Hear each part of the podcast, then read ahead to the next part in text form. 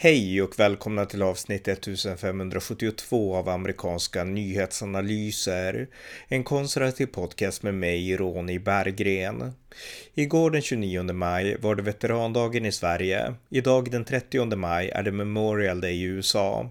Här följer ett samtal med John Engren Dahlsten, svensk veteran och även amerikansk medborgare, om de båda tämligen sammanfallande dagarna i respektive land. Varmt välkomna!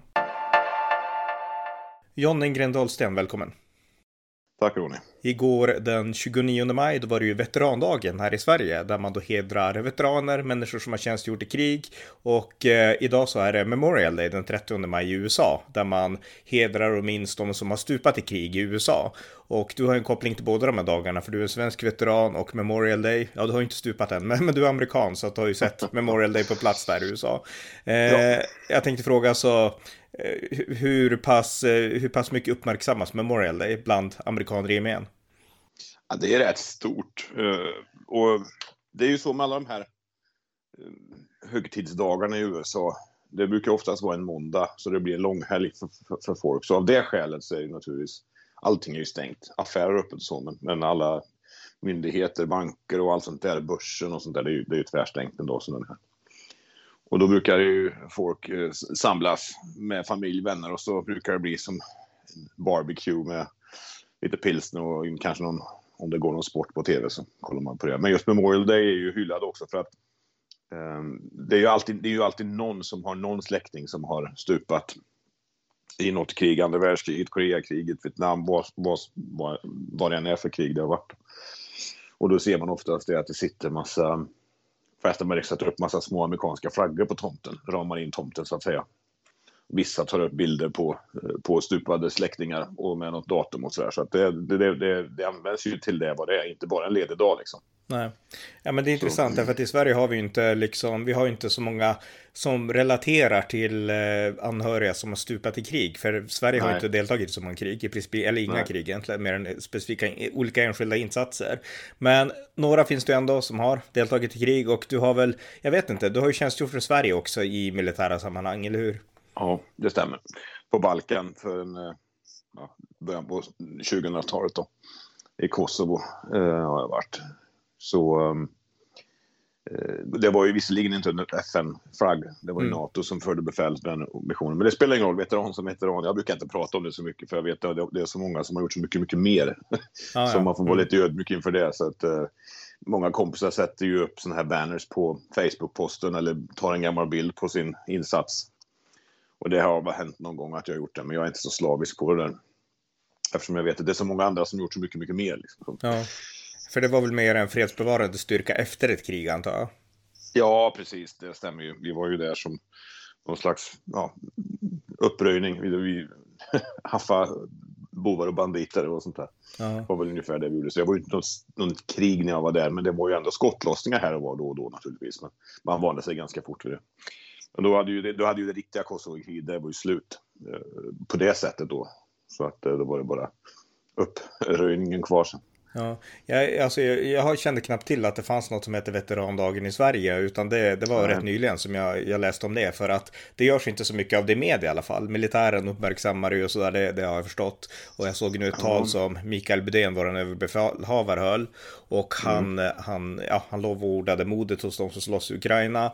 Men, eh, men eh, ja, alltså veterandagen är det något som alla som, som är delaktiga i militären i Sverige känner till och är liksom en del av? Ja, det skulle jag nog säga att det är eftersom jag var tvungen att komma, kolla upp det innan samtalet här. Men den har ju inte varit igång som en, den har inte, den har inte varit etablerad som en veterandag i svenska kalendern mer än sedan 2003. Det är ju inte ens 20 år gammalt. Nej, just det. Eh, det är ju vad jag tror är väl alltid på en söndag. Nej, inte alltid. Jag vet inte. Nej, det kanske inte är. Det var söndag igår i alla fall. Mm. Ja, det var ju söndag igår, men det, det, kan ju inte naturligtvis vara alltid en söndag om, de, om det är på ett fast datum. Uh, som till exempel Memorial Day är ju alltid sista måndagen i maj. Mm.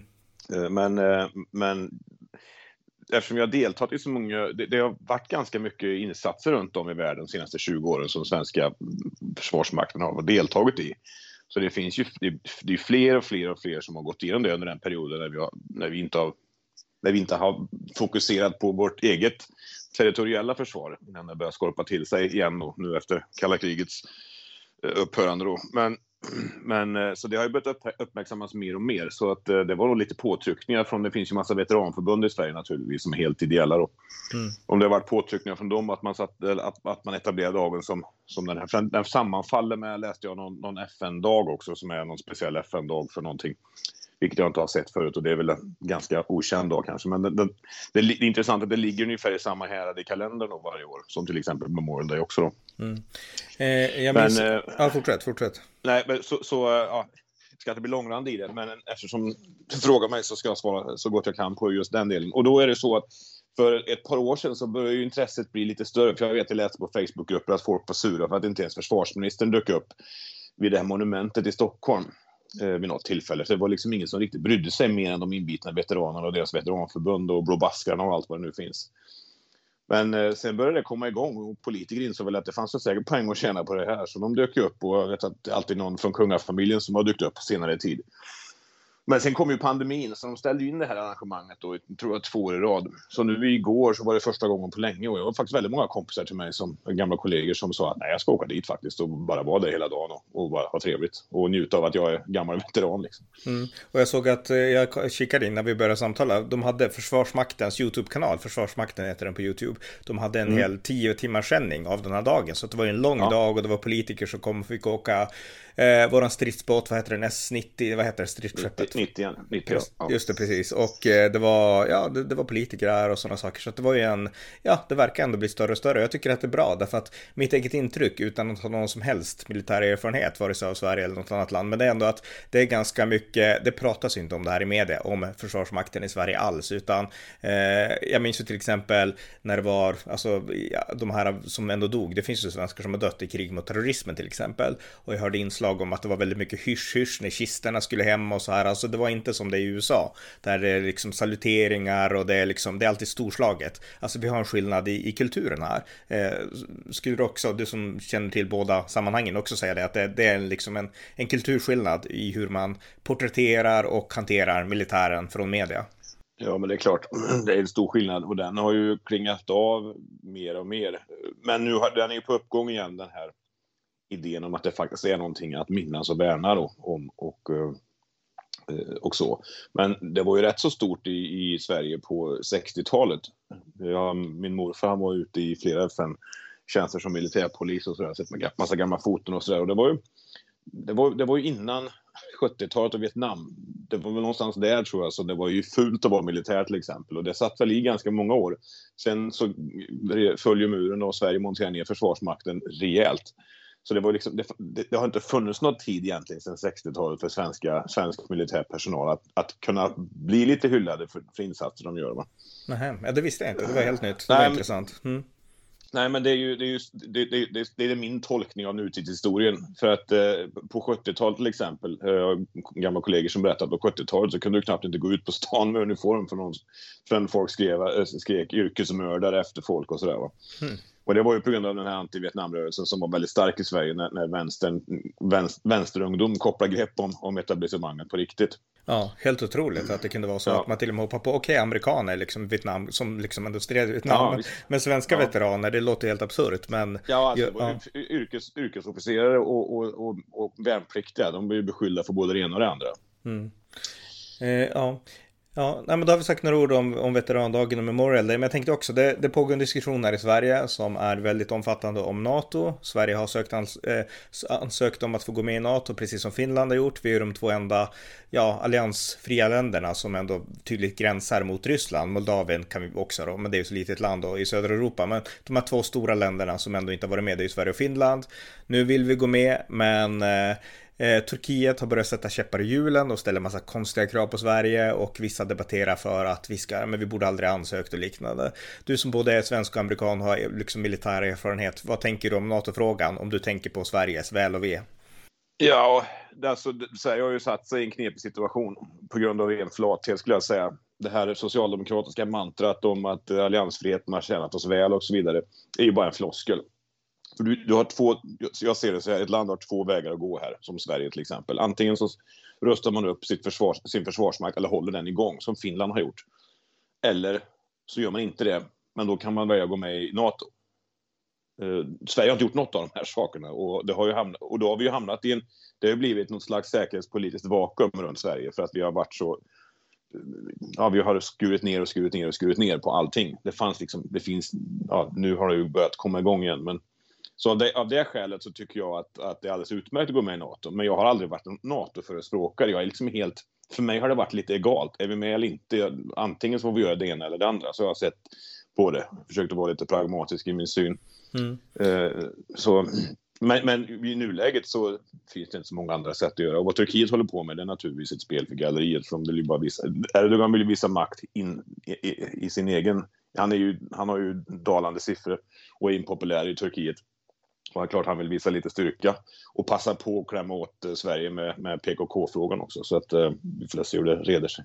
Ja, men om, om du tänker dig militärt då, alltså eh, alla pratar om att det är det amerikanska beskyddet som är viktigast och det, det, är ju min linje också. Men vad konkret, du som kan det militära, skulle USA kunna erbjuda Sverige i en krigssituation? Om vi bortser då från att skicka liksom soldater och sådana saker. Alltså har USA... Om vi inte om vi inte är med menar du, eller om vi är med? Nej, om vi är med. Vad, vad, liksom, okay. vad blir extra vi kommer att kunna få eh, utifrån dina kunskaper? Ja, som vi kan behöva? Det är, ju, det, är ju, det är ju svårt att säga, men jag kan tänka mig att, att uh, i en situation där, där Sverige hamnar i, i, en, uh, i en kris och krig med till exempel Ryssland och nu ser ju inte det ut som att det kommer att vara ett hot i framtiden ändå för att Putin kör ju sönder hela sin krigsmakt. Men det är en annan fråga för en annan podd. Men Eh, men jag, jag ser framför mig att det, det skulle mest vara marint, marina inslag, marina enheter och mm. Flyg in, in, initialt. Ja. Som det skulle bli. Sen har ju, jag, jag, eftersom inte vi är med i NATO, och jag har aldrig, och det är ju väldigt få också, även de där som har insyn i, i, i NATOs försvarsplaner, vilka planer de har lagt upp utifrån vissa scenarier. För det har ju alla staber och större, alla länder har det och större staber för större allianser och så vidare har ju alltid eh, planering för olika scenarier konstant och det ändras ju. Man går ju hela tiden igenom så att omvärldsläget passar med, med, med, den idén man har för att försvara. Och eh, det är klart att ett, ett eh, i, i krigssituationer NATOs alla medlemmar skulle gå in tillsammans och försvara en medlem, den, den kommer ju te sig helt olika beroende på var någonstans, eh, vilket land som hamnar i, i trubbel så att säga. Eh, de har ju säkert en idé för, för Nordkalotten, Östersjön. Gotland är ju jätteviktigt för NATO i det här fallet. Eh, och, och och den måste, ju, den måste man ha för mm. att kunna försvara. Men sen blir det liksom, det skulle, men sen har de ju säkert någon plan för, eh, för Medelhavet, länderna kring där, vad som skulle ske och så vidare. Så att Eh, men jag skulle tippa på att det är, mest, främst marina enheter och flyg och specialförband skulle jag tro. Mm. Om vi vänder på steken då och frågar från andra hållet. Vad kan Sverige erbjuda NATO? För det pratas så mycket om att Sverige är så, alltså förutom Gotland då, att strategiskt erbjuda land och utrymmen och så. Eh, mm. Alltså Sverige, vi har ju väldigt få, alltså vi har väl inget stort stridsflyg vad jag förstår, alltså många flygplan och sådär. Vi har ubåtar men det är inte så många heller. Eh, vad, alltså, vad är det Sverige är bra på? Vi är bra på, vi, vi har en bra militärindustri har jag förstått. Ja, det har vi ju naturligtvis. Det skulle kunna innebära då att det kanske blir lite enklare att exportera vapen till NATO-länder och mindre allierade och så vidare. Men man behöver inte ha mycket av någonting för att e- kunna erbjuda någonting. Och det har ju Sverige i och för sig, måste jag säga, varit förbaskat bra på. För att eh, vad vi har varit eh, världsledande på sedan kalla krigets eh, första skälvande år är ju signalspaning. Mm. Med de metoderna som Sverige utvecklar för att spana in i Ryssland. Vi har ju de här berömda fallet med DC-3 och så vidare som är nedskjutet på 50-talet. Så den eh, underrättelse via signalspaning är, eh, det är ju en del som, som Sverige kan erbjuda. Eh, och eh, ubåt, även om vi bara har ett par stycken ubåtar, eller fem eller sex, jag kommer inte ihåg hur många ubåtar vi har, men vi håller på att utveckla en ny också, så kommer ju, de är så pass bra konventionella ubåtar så det, det, det är någonting som också skulle kunna vara användbart för Sverige att, att skicka till, att stötta med för ett helt annat NATO-land. Det jag hört är att USAs ubåtar är för stora för att kunna komma in i Östersjön. Alltså Östersjön, jag menar USA är ändå ett land med de här Atlanten och Stilla havet, liksom stor, två stora världshav och att ja, deras era ubåtar så att säga, då, de är, alltså de, de är inte gjorda för små, små sjöar som Östersjön. Nej, men jag, jag skulle nog, det är nog en myt, och kan man nog slå på, att, eh, att de skulle vara för stora för att komma in i Östersjön. Eh, så stora är de inte, givetvis, men de har ju svårt att operera i Östersjön eftersom Östersjön har så det är en sån, det är en sån märklig bottentopografi. Eh, och, och där har ju Sverige byggt konventionella ubåtar sedan tidens begynnelse. Och eftersom vi har varit alliansfria så har vi i princip fått utveckla allting själv utifrån de rådande förutsättningar som vi har för våra kuster. Mm. Och där är ju inget plus då att vi har ju ett, ett alldeles utmärkt Stirling-system, vilket innebär att du kan gå undervattensläge med en konventionell ubåt mycket, mycket längre än de flesta andra konventionella ubåtar och ger inga bubblor eh, och så vidare. Så de blir ju på det viset tysta då. Så att en svensk ubåt eh, har ju den fördelen. Och det var därför som USA hyrde in en svensk ubåt under några år för ett 15 år, år sedan.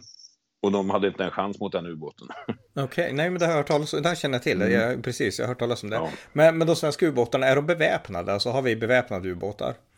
Nu är jag ju armékille från början, så ah, ja. att, eh, du ska inte ställa för många frågor. Men det är klart, ja, men det är klart, det är klart att de är, det, det är klart att de är beväpnade. Ja, det är inte bara spaning alltså? Nej, okej. Okay. Nej, nej, nej, nej, nej. De, de har ju naturligtvis, det är ju torped och, och även Ja, jag vet, jag kan inte säga mer. Jag, jag har varit ombord på en ubåt någon gång mm. studiebesök i min tidiga karriär. Men, men att de har någon, någon de är ju bestyckade, absolut, det är de ju. Men eh, de används ju eh, för underrättelseinhämtning har jag förstått och så vidare.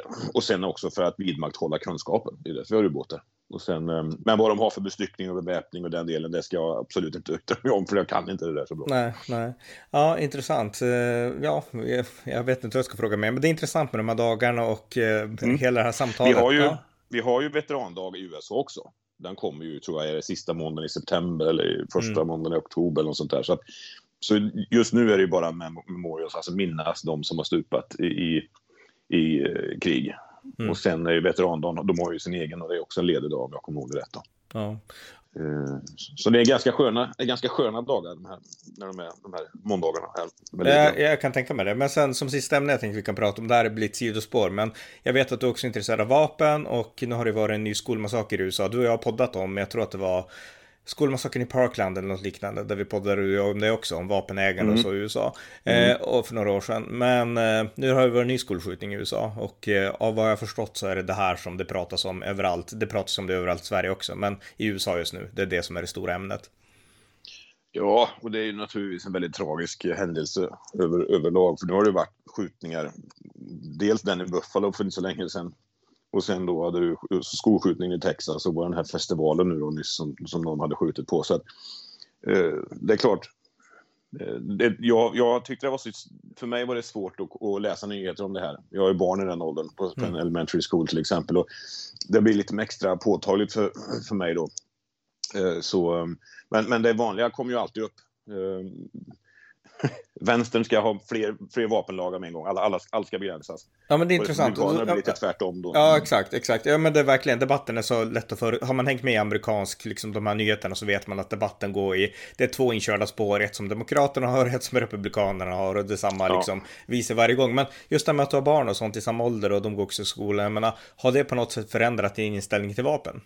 Nej, jag har fortfarande en väldigt pragmatisk syn på, på det här med vapen. Jag tycker att eh, det är lite för strikt i Sverige till och med. Men eh, allting är strikt i Sverige å andra sidan. Mm.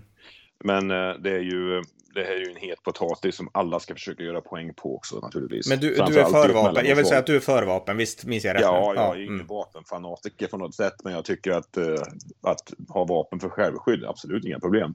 För här i Florida så kan du ju knata in och köpa ett vapen Eh, och det behövs ju liksom ingen licens eller det finns ingen begränsning på många vapen du får ha och så vidare. Eh, och, eh, men det är en bakgrundskontroll naturligtvis som du måste genomgå. Mm. Och den kan ju ta ja, den kan ju ta en dag eller två. Så att, jag men de gångerna jag köpte vapen, det var innan jag ens var amerikansk medborgare. Och då tog det alltid tre dagar för mig att få ut den. Så jag kunde köpa den, men jag fick hämta den tre dagar senare. Och det hade ju inte att göra med att, jag var, att det är en regel för att man, man är arg och nu vill jag köpa ett vapen och skjuta någon för att nu har vi varit osams här.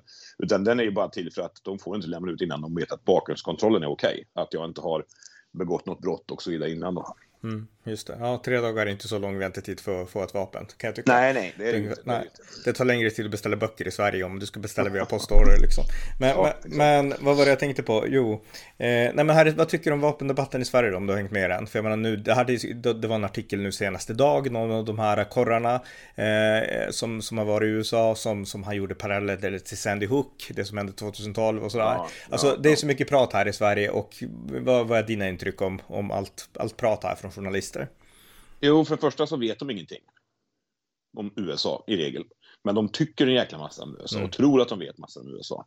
Och sen är det oftast då journalister, det är ju oftast på vänsterkanten, mitten till vänster. Och eh, deras lösning är ju plakatpolitik. Ja, vi måste göra si och så bara för det, nu ska vi hindra detta. Och vi måste ha hårdare vapenregler. Men eh, jag tycker att i Sverige så har vi både hängslen och livrem på allting. Jag fick lära mig för inte så nyss, att, eh, eller inte så länge sedan, att eh, tydligen så är det så att polisen, alla som äger ett vapen i Sverige, kontrolleras dagligen av en stor dator eh, som scannar av eh, något. Alltså det är hela det, den databasen med alla vapenägare i Sverige som är registrerade. Nu pratar ju inte jag naturligtvis brottslingarna, för de skiter ju vilket. Mm. Men att de, den, den, den, kör, den kör mot belastningsregistret en gång per dag. För att fånga upp vapenägare som gjort något brott. Och då är det så löjligt att du till och med kan, du, du kanske har gjort eh, eh, onykterhet. Fortkörning tror jag inte du är bra med vapen för, men jag vet att eh, rattonykterhet har väl varit föremål för att blivit indragna jaktvapen till exempel. Eh, det, det finns liksom ingen riktig, vad ska man säga, det står inte riktigt i paritet det ena mot det andra, men så är det i alla fall i Sverige. Och så är det ju väldigt strikt med licenser och annat. Jag själv har ju jägarexamen i Sverige. Jag har aldrig ägt ett vapen i Sverige dock. Men, men det är rätt så rejält åtskruvat i Sverige och ändå har vi, läste häromdagen, 31 dödsfall på rena skjutningar hittills i år. Och Norge och- och Danmark har i princip 0 till 1. Ja, Och men vi har det, väldigt strikta vapenlagar och ändå hjälper det inte. Då kanske det inte är det som är felet. exakt, det är samma sak här i Sverige. Jag menar, de lagliga vapenägarna, de skjuter inte folk medan de illegala vapnen gör det. Och det är likadant i USA. Jo, men det är ju så med Sverige, svensk förvaltning, när det kommer till regel mot sånt man kan inskränka friheten för hos folk. Det är Mm. alltid hängslen och livrem och lite bäst i klassen-mentalitet. För några år sedan när, när eh, Stefan Löfven var statsminister så diskuterade de just att de skulle försöka eh, göra striktare regler för jägare i Sverige. Mm. Det var inom EU också, men det var bara Sverige. Och då var det någon som påpekade för Löfven att eh, det, jägarna är ju den minst brottsbelastade personalkategorin i hela landet. Mm. Ja, vi är medvetna om att vi är nog inte rätt... Det, det, det, vi är medvetna om i, våran, i, våran, i vårt regelverk att, att jägare, vi behöver, de gör inga... De är en bra personalkategori med minst brottsbelastning. Men vi tycker ändå att det är viktigt att göra så här. Ja. Alltså du hör ju, det är ju liksom, Ja, då man vill vara det- lite bättre ja. hela tiden. Ja, då ger det inget att följa lagen därför att om de som följer lagen får friheten mest inskränkt, vad ger det då liksom? Ingenting. Det är det Nej, som blir liksom det ju- konsekvens. Ja. Och skurkar som tycker om skjutvapen, det är det bästa de vet. En, Ja. av, en av, avbeväpnad civilbefolkning i övrigt. För då slipper de ju oroa sig för någonting. Vettig, en vettig lag, vettiga politiker, de skulle ha gett fria tyglar till grupper som kan sköta sig och strama tyglar till de som inte kan. Det är så det ska funka liksom. Så Ja. att, ja, det är absurt när det inte är så. Men, ja, ja, och, det, men, det, ja. och det finns så mycket regler i Sverige som är så... Det, att man får till exempel bara ha... När jag tog min jägarexamen i alla fall, det är ju tio år sedan nu, Mm. så fick du bara ha fyra vapen plus två. Och Mm. de t- två sista vapnen fick du licens på under vissa förutsättningar. Men sen får du inte ha fler vapen. Och jag tycker att det är också så här typiskt svenskt regel...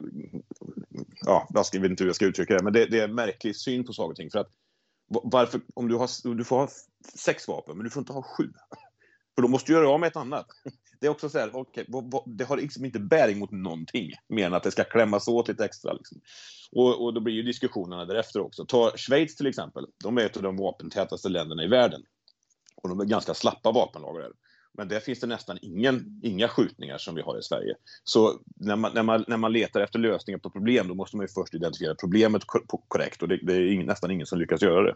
Mm. Ja, det, det är jätteintressant. Eh, vad var det mer jag tänkte på? Vi hoppar tillbaka till skolskjutningarna. Jo, men ett förslag som har getts, det var ju det här med att eh, man ska ha en eh, one entry, alltså en, bara en ingång till, till skolorna för barnen. Och eh, där ska man ha en vakt och sådär för att verkligen kunna säkra att ingen kan komma in här som vi liksom inte kan checka. Tycker du att det verkar vara en bra idé? Så har vi faktiskt på de två skolorna som mina barn går på. Okej. Ja, du kommer knappt inte in som förälder ens. Det är som Fort Knox. Och ibland är det ganska irriterande när man har ett snabbt ärende och ska göra någonting. Får man stå utanför och trycka på en klocka så, så, så, eller så svarar de vad, vad, vad man vill.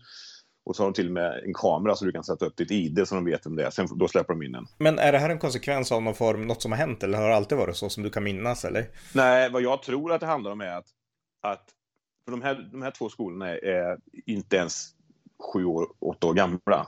Jo, de var, den, var, den ena elementary skolan som min son går i, den var, den var väl ett år gammal när vi flyttade hit. Och den eh, middle school som min dotter går i, den är precis bredvid. Den är alltså ett år gammal bara.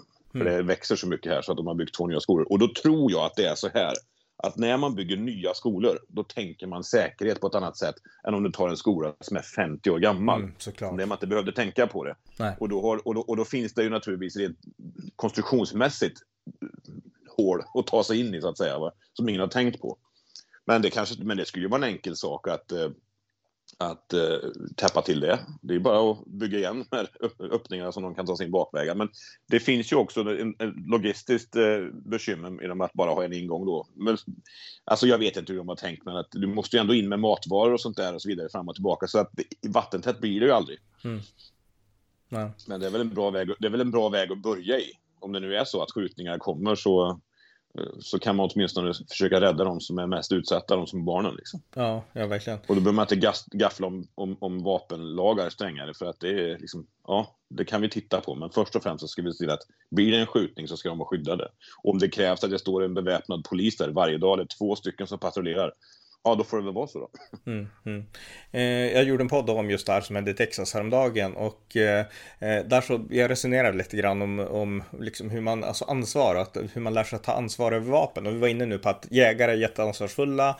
De här skjutningar som sker i Sverige, det är liksom ligister i storstäderna i Sverige och eh, i USA så är det också, ibland kan det vara lagliga vapen i USA eftersom USA har andra vapenlagar, men det är inte de ansvarsfulla medborgarna som är med i NRA och sånt, sånt. Det är inte de som går ut och gör skjutningar. Eh, och min fråga till dig som ändå har en viss erfarenhet av jakt och vapen och sånt där, hur pass viktig är barndomen för att kunna hantera vapen ansvarsfullt? För jag skulle säga att det är viktigt. Alltså om du lär dig att hantera vapen med ansvar som barn, då kommer du vara ansvarsfull som vuxen också. Det är liksom generellt. Ja, du har ju två vägar att gå där. Om du har vapen hemma, antingen så ser du till att barn aldrig får reda på att du har vapen hemma och pratar inte ens om det. Eller också så ser du till att du, att du eh, har utbildning och har vapen, lär sig vapenhantering. Mm. Hur man ska tänka, hur man ska göra. Eh, och, man, och, och jag skulle tro att det är ungefär 50-50 Men då, å, å andra sidan, de som skulle hålla barnen borta från vapen helt och hållet, de, har, de kanske inte ens har vapen hemma. Men jag föredrar ju att man i så fall har en, en genomgång med barnen. Och jag har ju sagt till mina barn, om ni är hemma och leker hos någon och, ni, och någon hittar ett vapen, lämna det till första bästa vuxen, alternativt rör det inte. Ungefär så, så att de i alla fall initialt vet att det här ska vi inte ta i. Liksom. Men sen när det kommer till att, eh, att uh, lära sig hantera vapen tidigt, ja, då blir det ju bättre när du blir äldre. Så att du liksom inte väcker den här spänningen och, och, och att det är liksom något farligt och intressant av det skälet. Då. Nej, just det, just det. Ja, intressant. Ja, nej, men vad bra. Eh, har du något mer att säga om Memorial ja. Day eller någonting? Ja, det ska jag faktiskt säga någonting som jag är lite hes idag, men det beror på okay, att det, Month of May är ju motorsportfantast. Så Month of May är ju eh, då Indycar, Indy 500 i år. Då har ju två veckors uppladdning och sen kör man då. Och det är ju bestämt sedan tidens begynnelse att den, loppet ska ligga dagen innan Memorial Day. Och, eller sista söndagen i, i, i maj. Så det kallas ju Month of May även om det bara är två veckor. Mm. Och eh, då var det Indy 500 igår. Jag har ju följt Indycar i flera år. Och Eh, då vann faktiskt Marcus Eriksson, en svensk. Mm. Indy 500. Och den som inte är insatt i motorsport förstår inte hur stort det här är. Jag ville bara flika in det i din podd, som inte är en sportpodd. Men... Ja, men gör det, gärna. En, gärna. Ja, men jag, jag, mig, jag, jag kan inget om amerikansk sport, jag är inte sportintresserad, Nej. så att berätta. jo, nej, eftersom vi pratar Memorial Day så, så tycker jag det passar rätt så bra här. Så att eh, det här loppet, man kör ju 200 varv på en ovalbana i eh, Indianapolis. Och det är ju, eh, de körde för 106 året, inte i rad eftersom det har varit eh, uppehåll vid krig och sådär, men 106 gången. Och mm. Eh, jag har ju följt Marcus Eriksson ända sedan han började köra Formel 1 för ja, 2014 var det. Och sen 2018 så slutade han med det och så fick han ju chans att, att köra formelbil i, i Indycar istället. Då. Mm. Och det är bara en svensk innan som har gjort det här och det var 99, då var han Bräck. Så ehm, Marcus kommer nog eventuellt bli, få årets idrotts, pris för årets, årets idrottshändelse. För att det, det, här är alltså större än, än, än OS i många wow. stycken. Okay. Ja, det, det, det, vet man inte om vad det är för någonting och följer det så, så är det inte så... Då kanske det är som vilken sporthändelse som helst. Men de inbitna, det, är liksom, det, det, här, det här ger eko i hela racingvärlden om du har vunnit Indy 500. För det är, liksom, det är det största du kan vinna eh, som, som racingstjärna. Okej. Ja, grymt, så, grymt. Ja. ja men, men, men alltså, det, ja, ja, men det var kul. Men alltså det är en sista fråga här på, på temat. Alltså, eh, jag följer inte, jag följer nyheter och det är ju sportnyheter också man ser ibland. Men eh, alltså motorsport, är det lite underrapporterat i Sverige? Alltså svensk ja, motorsport? Ja, mycket. Okay. Men svensk, svensk motorsport är, har alltid varit ganska så stor. Uh, och vi har, vi har fostrat många duktiga förare. Eh, ja, Ronny Pettersson känner du naturligtvis till. Uh, ja. Nej, okej. Okay. det var ju Sveriges uh, bästa Formel 1-stjärna. Han dog ju 1978 okay. i en olycka i, um, i Formel 1. Då. Men, um, så vi har fostrat många motorstjärnor, men det är en sport som är väldigt underrapporterad skulle jag säga. Mm. Och den är ju inte politiskt korrekt heller eftersom man bränner massa bensin då. Ja, just det, just man ser det, det från den synvinkeln. Ja. Men men detta är, detta är stort, riktigt stort. Så ja.